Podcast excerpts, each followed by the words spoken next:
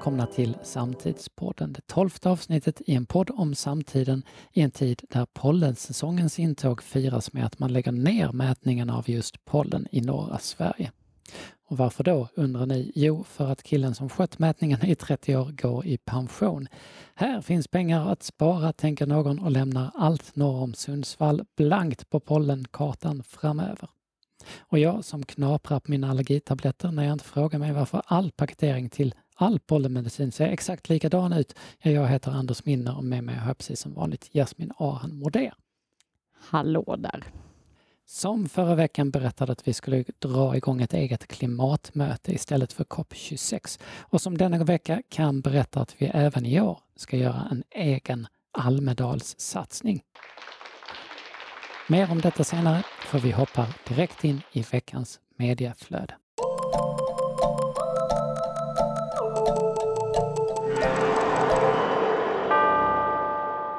Och det här är en del av podden där vi gör bomben i veckans nyhetsflod, där vi ser att Frankrikes ex-president Sarkozy har dömts till fängelse för mutbrott och korruption.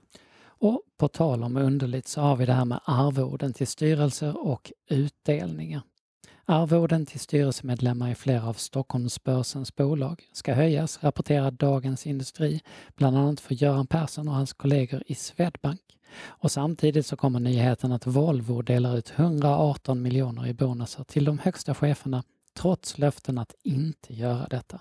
Det här har finansmannen Sven Hagström reagerat på i Dagens Nyheter. Han säger “Jag blir jäkligt arg när jag såg det här”.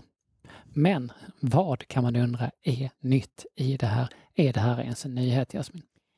Det, det, vi har ju tagit upp det tidigare i podden. Eh, jag tycker det, det är liksom, jag förstår inte hur man kan gå upp på morgonen och se sig själv i, i spegeln. Vi har bolag här som förra året fick permitter, permitteringsstöd, ganska mycket sådana.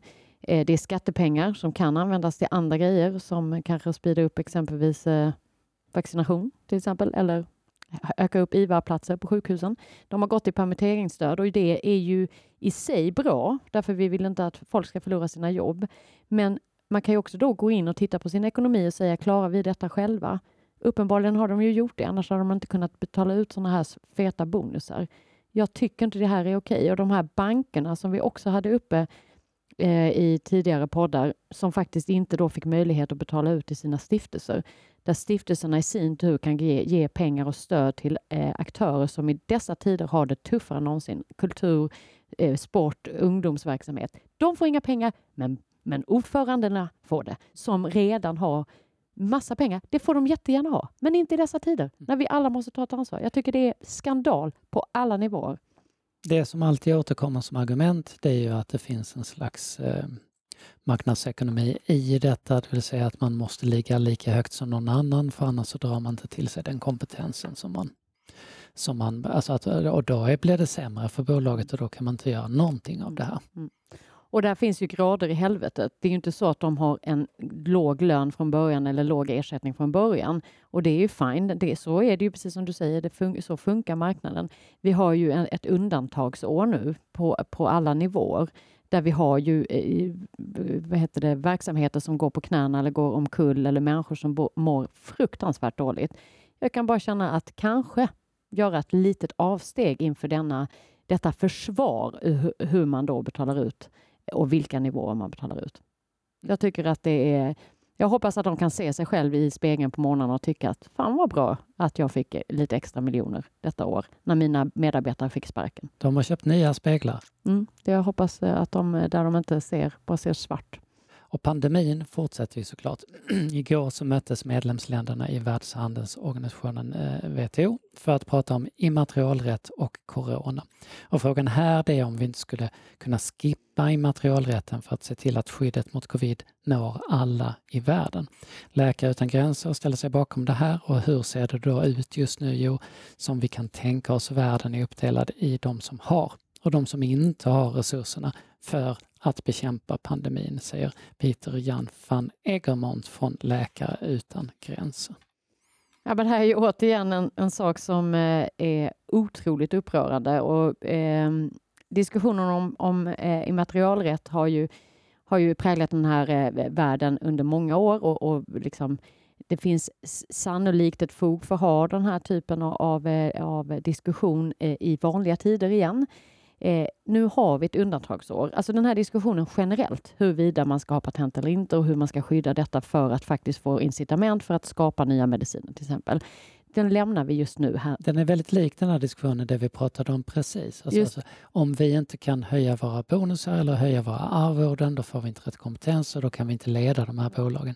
Om vi inte kan tjäna pengar på våra patent eller på vår materialrätt så kommer vi inte kunna utveckla Medicin, nästa eh, krismedicin. Ja. Och och den diskussionen, den tycker jag är bra att ha i liksom, när, när det är liksom normala tider så att säga. Eh, och det finns säkert både, jag tycker det finns både för och nackdelar eh, i den här disku eller i eh, lösningarna på den här diskussionen. Vad som ger incitament och vad faktiskt kan ge en affär längre fram eller en liksom, eh, eh ersättning för den investering man har gjort. Nu är vi i en situation där vi måste lösa detta för all världens befolkning. Det är det enda vi vet. Det är därför det heter pandemi. Det är inte eh, eh avgränsat till ett visst land eller område. Det, det vet vi. Därför måste också denna lösningen komma att alla till, till eh, eh, bli tillgängligt för alla, eller hur? Då vet vi om att de som nu har faktiskt eh, jobbat för att få fram de här vaccinen eh, de kommer ju redan få tillbaka de investerade pengarna. Så mycket kan vi ju alla räkna ut. Va? Så det är ju inte så att de kommer förlora enorma pengar om de hade släppt den här eh, rätten nu och faktiskt skapat möjligheter för fler att tillverka medicinerna så att vi snabbt får ut vaccin till alla i världen. Jag kan inte förstå argumenten eh, och detta är från svenskt håll, från EU-håll, från eh, branschhåll, att vi vi fortfarande mitt i situationen bara tittar på oss själva och vårt. Vi har eh, tillgång till vaccinet. Vi har eh, de bolagen som faktiskt tjänar pengar. De ska vi skydda. Mm. Nej, det är inte okej. Okay. Det är inte, jag, jag börjar nästan gråta när jag Det borde ju finnas en konkurrensfördel av att vara det bolaget som sträcker upp handen och säger vet ni vad? Som till exempel eh, i oktober förra året så lämnade Indien och Sydafrika in ett förslag till WTO då, om att länder ska kunna tillfälligt frångå, alltså inte för alltid utan just nu under den här ja. så skulle vi kunna fråga, vi kan importera, vi kan tillverka de här generiska eh, eh, versionerna av vaccin eller läkemedel då, tills vi har en global mm. flockimmunitet. Mm. Det måste ju vara en konkurrensfördel att vara det bolaget som gör jag, detta. Som, som gör detta. Absolut. Och jag menar, vi kan ju bara jämföra, nu har vi ju en annan eh, verksamhet såklart. Jag är inte dummare än att jag fattar att det är lite olika verksamheter, men vi har ju inställning att sharing is caring. Ju mer vi delar med oss, ju mer kommer vi få igen av uppdrag, av, av möjligheter möjlighet att utveckla vårt tänk, våra idéer, våra innovationer. Jag tror ju många av de här gamla traditionella världarna skulle må bra av att öppna upp mer av massa skäl. Jag tror de hade kunnat kanske faktiskt få spännande samarbeten som faktiskt skulle kunna växla upp deras affär snarare än att vara så fruktansvärt produktionistisk. Men, men det som provocerat mig just nu också, det är ju att man stöttar upp den här typen av produktionism i en värld där vi faktiskt ser att, att så många mår så fruktansvärt dåligt. Och det vi gör nu med att vi inte får ut vaccinet är ju vi kapar ju de länder som redan har det svårt eh, med att vi kommer inte kunna åka dit och vara turister för att om smittan då inte har hävts där, ja då, då kan vi varken jobba med dem eller importera eller köpa eller handla eller vad du vill. Va? Och det vi vet är för att göra det hela mer komplext så vet vi ju att eh, flera miljoner människor har dött på grund av restriktionerna. Eh, vi har redan tagit upp detta flera gånger. Ja, vi stod faktiskt på Istället för Almedalen i juni tillsammans med Barnfonden och eh, Rädda Barnen och eh, eh representanter från eh, regeringen eh, där vi faktiskt påtalade om att eh, pandemirestriktionerna och den här lockdownen har ju också eh, faktiskt eh, tillskansat ganska mycket skada i världen. Vi pekade på det redan då och sa att vi måste ha flera tankar i huvudet samtidigt. Oavsett vad man, man om man gör en insats för att skydda folk för att bli sjuka så som vi har, liksom, ser framför oss här nu. Det är klart att vi måste göra, men vi måste också fundera på konsekvenserna när vi gör det. För att om vi dödar fler än vad vi räddar så måste vi fundera på vad, ja, men vad, vad är vad är detta? Och enligt FN har lika många dött av detta som av corona. Mm. Och där har vi saker som undernäring eh, till följd av att samhällen eh, stänger ner. Eh, andra vaccinationer som såklart inte då kan gå att genomföra för att vi har, har detta. Det är de fattiga länderna som drabbas. Ja. Som vanligt så ja. ser vi inte det. Vi har det inte i blickfång i våra nyheter hela tiden. Kan ha råd att vända bort blicken för mm. detta och det är ju ganska skamligt. Och vet du vem som drabbas mest? Det är liksom I de här länderna, kvinnor och barn. Och man säger att pandemin och corona inte drabbar barn. Jag kan säga att det är barn som drabbas mest, framförallt i de här länderna. Jag tycker att ni som lyssnar på detta, tar till er detta och fundera på liksom, varje gång vi skriker efter vad som är rätt eller fel i den här eh, åtgärder kring pandemin, att det, det är ganska mycket mer att tänka på. Hur vi agerar och vad vi egentligen måste fokusera på. Och som, lite, som, som exempel så i somras så skrevs en debattartikel i Washington Post, tror jag det var, eh, av eh, bland annat av Trudeau från Kanada, med Stefan Löfven var en av undertecknarna, eh, som inleddes med att ingen av oss är i trygghet förrän alla är i mm. trygghet. Mm. Att vi har ett världsansvar, alla har sin roll att spela. Och det hänger ju ganska mycket väl ihop med, med, med det när det handlar om, om, om rättigheter. Att, att uh, göra det möjligt för mm. folk mm. att skydda sin befolkning och därmed skydda världen. Och då blir alla vinnare. Det är det jag inte förstår i den här diskussionen. Vi kommer ju se att alla blir vinnare genom att alla faktiskt får ett eh, vaccin eller blir skyddade. Och vi har lite fler nyheter om rättigheter. Smithsonian som världens största museum släpper nu miljontals av högupplösta bilder till det man kallar för den kulturella allmänningen. Otroligt spännande och alla, av det här. Alla som jobbar med kommunikation har ju då fått en liksom, väldigt mycket man kan göra, och även alla andra liksom, som bara vill ha tillgång till de här sakerna. Kulturella allmänningen heter det eh, och eh, här finns ju en spännande historia. För vi pratar om upphovs, vi har pratat om upphovsrätt sen, sen egentligen en jätteboom sen 99 med Napster, sen Pirate Bay och eh, väldigt mycket fokus senare tid på just patent och om, om, om medicin och läkemedel. Den moderna upphovsrätten föds med, eh, föds ju inte med det digitala, den föds med Victor Hugo. Ringan i Notre Dame, den mm. har du sett? Absolut. Du har antagligen Såklart. sett Disneys version av den. Ja, alla, alla varianter höll alla säga, varianter. men många varianter. Victor Hugo var då mot slutet av 1800-talet eh, världens mest piratkopierade författare. Då hade man alltså inte de här upphovsrättslagarna. Så han gav ut sina böcker i Frankrike och sen så eh, tryckte folk bara liksom hipp som happ eh, hur som helst hans böcker och tjänade pengar på dem. Det tyckte ju han var, det var lite dåligt tyckte Victor Hugo. Men det som är intressant då, det är att nu knyter man då för första gången eh, länder till överenskommelser att detta gäller. Att man garanterar någon samma skydd. Bara för att du bor i, i Danmark kan du inte ta en, eh, liksom ett verk av någon annan och, och göra vad du vill med det. Men vad Victor Hugo gör här, han tar strid för någonting samtidigt som han kallar för kulturella allmänningen. Och varför då? Jo, för han är författare, han vet att han står liksom på giganters axlar, som man brukar säga. Ingen skapar någonting från noll. Mm. Det gör man ju inte. Så han tog alltid ställning för allmänhetens rätt till kunskap, allmänhetens rätt till information. Och då kommer den här tanken att efter ett visst tag så övergår rätten till oss alla. Mm.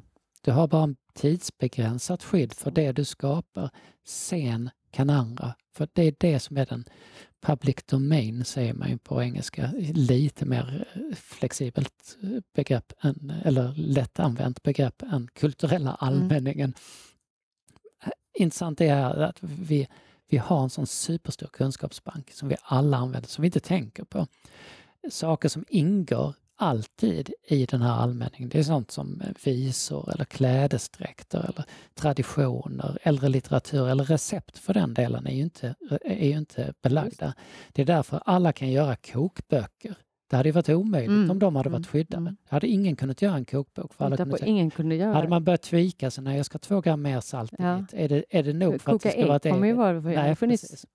Så recept kan du göra, recept. men din text när du skriver, eh, när Jamie Oliver skriver mm. eh, Yo guys, liksom sådär, den är ju då så. Och en författare kan ju då influeras så mycket man vill mm. av andra författare. Du kan ju skriva en roman och eh, influeras av Homeros utan att, utan att någon stämmer dig för den. Och efter 70 år så blir de verken fria. Eh, och det här kan ju då göra att ny kultur hela tiden utvecklas. Men det som har skett i takt med att liksom medieindustrin växer sig stark och ännu starkare och har lobbymöjligheter, och sådär, det är att man försöker öka och skärpa de där skydden. Och just på tal om Victor Hugo, när Disney då gör en version av det fria verket Ringaren i Notre Dame som är fritt att använda, så kommer deras skydd för sin upplaga att bli starkare än det gamla skyddet. Mm. Vilket gör att alla andra som följer efter och som vill göra någonting på det gamla fria verket Ringaren i Notre Dame kan komma i konflikt med Disneys skydd. Det är ju jätteintressant. För då, ja. då, skulle de aldrig kunna använda Och då blir det svårare och då, och då blir det vad som har hänt då de senaste 20 åren det är att det är svårare och svårare att skapa ny kultur utan att komma i konflikt med upphovsrätt. Och här har man ju liksom lätt bisarra exempel som, som Tom Waits till exempel som genom hela sin karriär har varit en eh, smältdegel för mm. mängder av kultur som han sammanfogat till en unik egenart. Va?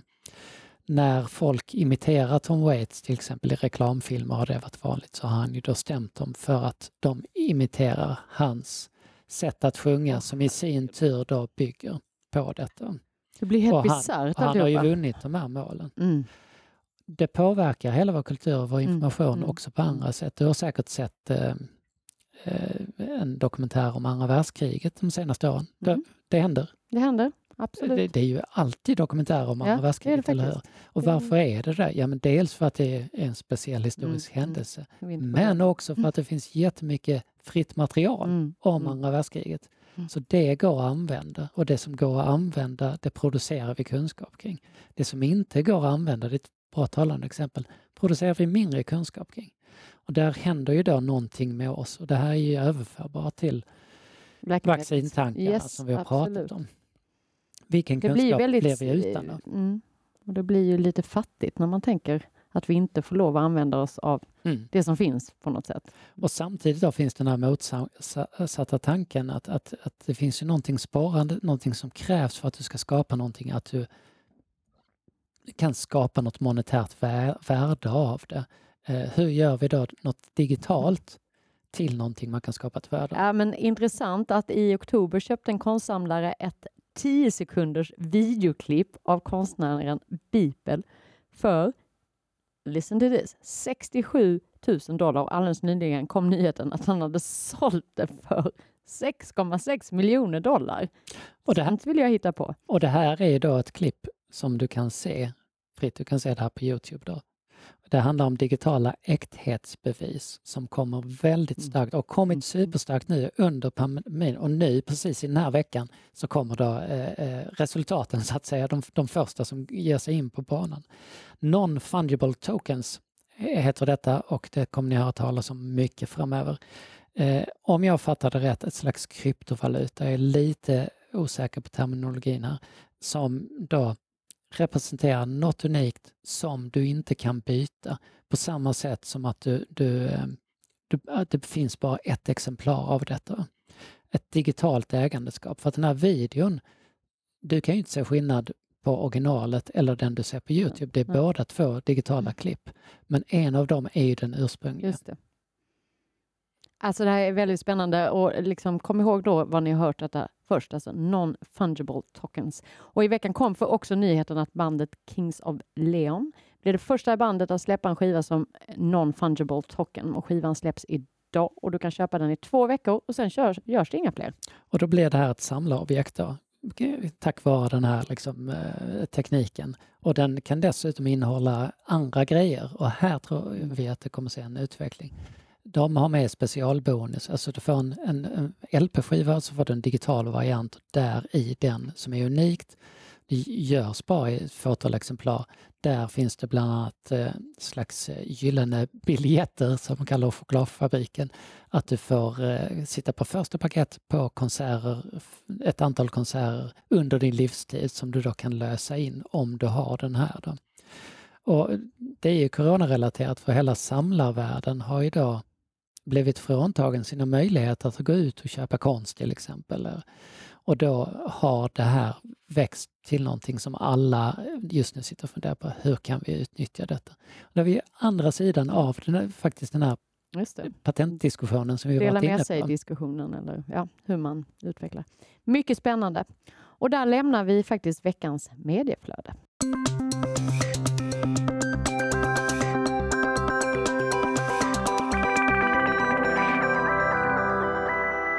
Och nu ska det handla om Almedalen. Ja, förra året så utsågs vi till innovativast i Almedalen 2020. Vi är sjukt stolta över detta för vår egen istället för Almedalen. Och nu till sommaren, ja då är vi tillbaka som en del av det officiella programmet med istället för i Almedalen. Det är ett i där som är Mm. nytt. Mm. Tre dagars livesändning med samhällsdebatt från våra studior i Malmö som även kan ses via Almedalens egen digitala setup. Jasmin, berätta. Eh, ja, men eh, nu blev det officiellt här, som sagt häromdagen, att, att det blir ju inget eh, fysiskt eh, Almedalen i år heller. Eh, men det blir ett Almedalen, till skillnad från förra året, där ställde man ju in helt och hållet och det var därför vi gjorde istället för Almedalen. Eh, nu blir det digitalt och det kommer liksom bli ett officiellt Almedalen, men det blir helt digitalt och där vi blir liksom så att säga dockar i som en del och eh, kommer sända då från våra studios i Malmö. Så under samma period som det officiella Almedalen så att säga äger rum så kan man vara med med sina tankar och idéer och budskap och samtal och viktiga eh, frågeställningar från våra olika studier. Så det vi egentligen gör är ju som, samma sak som förra året, att vi försöker samla de bästa och viktigaste rösterna för att nå ut. Vi säger ju det, va? man får inte ställa in eh, oavsett eh, om man kan ses eller inte, utan vi, vi gör det på andra sätt. Och, och vad är, skulle säga, är erfarenheterna som vi kom ifrån med förra året när vi gjorde detta? Ja, men det, det roliga i det här är ju att eh, eh, vi ser ju en möjlighet att nå ut mycket, mycket bredare, nummer ett. Vi vet om att i Almedalen så är det svårt att kanske nå ut i bruset för det första. Eh, det är jättemycket man konkurrerar med, det gör man ju här också, men fördelen är ju att man har någonting kvar. Man kan se det nästan som en produktion som du kan använda gång på gång på gång för att sända ut, för att eh, nudga folk, för att eh, påverka folk eller kanske komplettera med en annan kommunikation. Du har ett, liksom ett färdigt inspelat material. Eh, du kan dessutom få med dig talare som faktiskt eh, är berörda eller som kan någonting om området. Om du pratar om ensamkommande eh, flyktingpojkar, flickor eller vad det är, då kan du faktiskt ha med dem genom att trösklarna att ha med folk på scen, är ju, de finns ju inte längre. Det spelar ingen roll var du finns, du behöver inte fundera på att de måste resa eller ta sig någonstans. Är det pensionärer, är det, ja men oavsett vem det är, va? du helt plötsligt har trösklarna försvunnit och du kan ha med fler i dina samtal, alltså på scenen så att säga. Eh, och du kan ha fler som tittar. Det är klart att detta blir mycket, mycket mer demokratiskt. Och vi ser ju på det som vi eh, gjorde förra året så tickar det ju fortfarande in tittare så att säga. Så vi är väl uppe i 15 000 tittare nu någonting eh, totalt på dem. Och det ska man ju komma ihåg hur enormt det är. Alltså ett, ett vanligt Almedalsseminarium kan ju samla mellan 30 och 50 personer Mm. i ett tält Mm. som lämnar därifrån och sen så finns det ingenting bevarat. Nej. Då är 15 000 är en enorm siffra. Och det man ska också tänka när man gör det digitalt är ju att eh, krasst sett, och det här, det här kan vi ju skratta åt eller inte, va? Men, och vissa kommer säkert säga att, du, att vi har fel nu, men krasst sett så skulle jag säga att majoriteten som går runt och lyssnar på de här seminarierna i Almedalen är ju helt ointresserade av innehållet. De vill bara åt någon person som möjligtvis finns i publiken eller på scenen och tar den där mackan man ändå blir erbjuden samtidigt som man går in i tältet. Va? Eh, det är väldigt få som aktivt tycker det här samtalet är någonting som jag har med att göra. Medan de som aktivt går in och tittar på ett 45 minuters långt seminarium eller webbinar på sajten är ju definitivt intresserade. Annars hade du inte suttit och tittat på det i 45 minuter. Va? Så du når en annan del.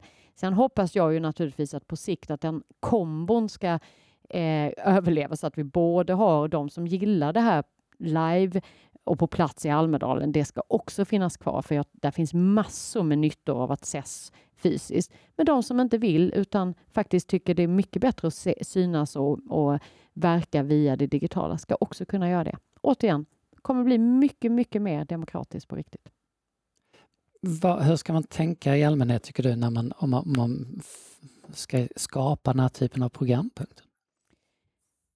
Det som jag tycker är intressant nu när man har vänt om och gjort detta digitalt nu, det är ju att vi vet ju, det här har vi talat om flera gånger, att när du tittar på ett innehåll, oavsett om det är live eller vilket format du nu vill ha det, Eh, så när man tittar på ett innehåll, att verkligen sätta sig ner och fundera på vad är det du vill ha ut av det? Vad är det? Vill du ha svar på någonting? Vill du påverka någon? Och hur lägger du då upp det här innehållet så att mottagaren faktiskt tar till dig någonting? Och vi har ju liksom modeller för det, hur du lägger upp det inte för långt och ja, men, genomtänkt och lite överraskningsmoment och du vet, ja, men allt det där vi lär ut.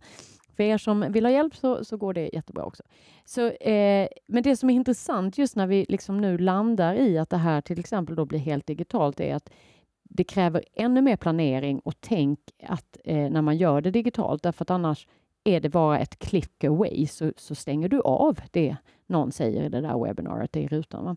Och det här eh, och, och, tänker du då utifrån att, att tajta till ditt program, inte göra det för långt, eh, vara liksom supertydlig med vad vill du? Vad vill du ha därifrån? Vill du ha kommentarer från publiken? Var tydlig med det. Var tydlig med hur du vill eh, att folk ska interagera. Var tydlig med dina budskap. Var tydlig med vad du vill göra med materialet efteråt. Så du kan skicka vidare det här och få ytterligare respons eller kontakter eller eh, kunder eller vad fara du nu vill. Men lägg lite extra tid på att tänka igenom varför gör du det och vad vill du ha ut av det? Jag tänker ur ett större perspektiv finns här också något intressant, för det är ju ett skifte att vi, vi går från en värld där vi har någon slags brist till att det blir överflöd. Och här är årets Almedalen ett, ett bra exempel för att nu finns det inte längre några äh, rum som blir fyllda eller tält som blir fyllda. Nu är allting möjligt. Så att alla från hela mm. Sverige mm. kan vara med. Mm.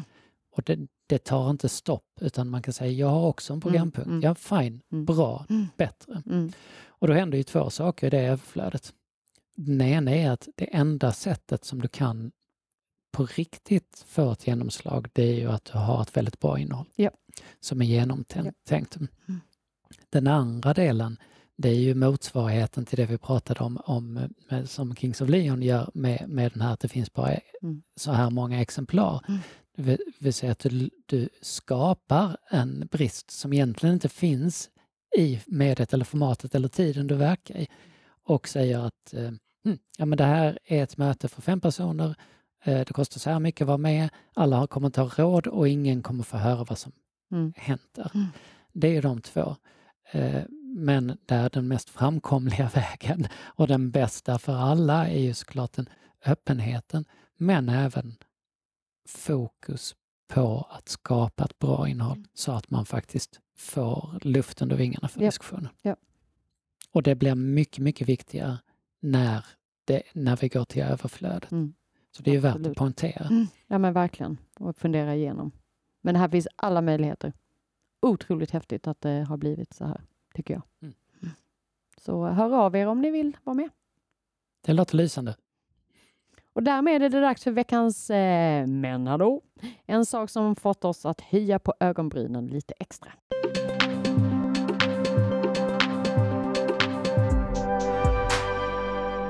Och här har vi en restaurang i New York som har lånat vaxdockor från Madame Tussauds för att fylla ut lokalerna under coronarestriktionerna.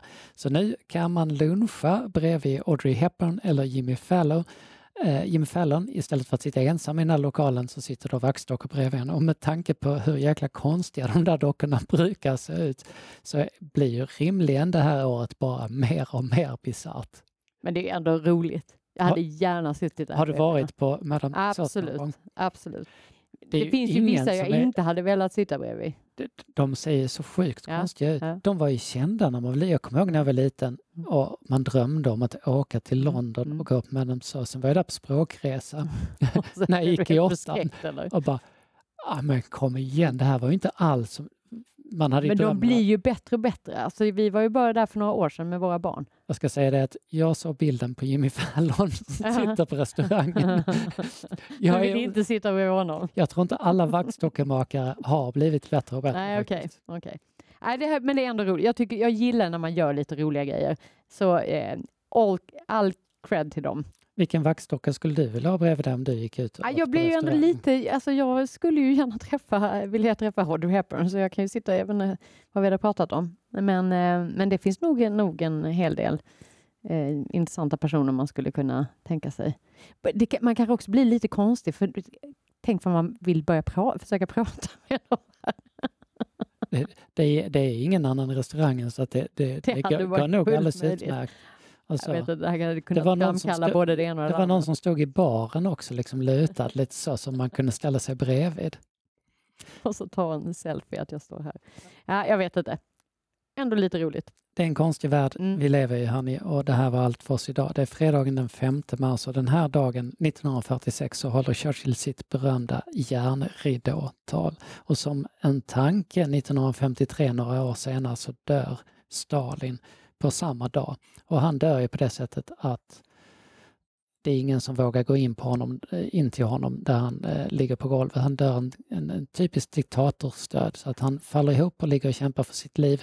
Men folk är ju så rädda att gå in där för att går man in där på fel sätt så kan man ju själv åka dit och, och bli av med, av med huvudet. Så att, eh, det var en talande död, han dog.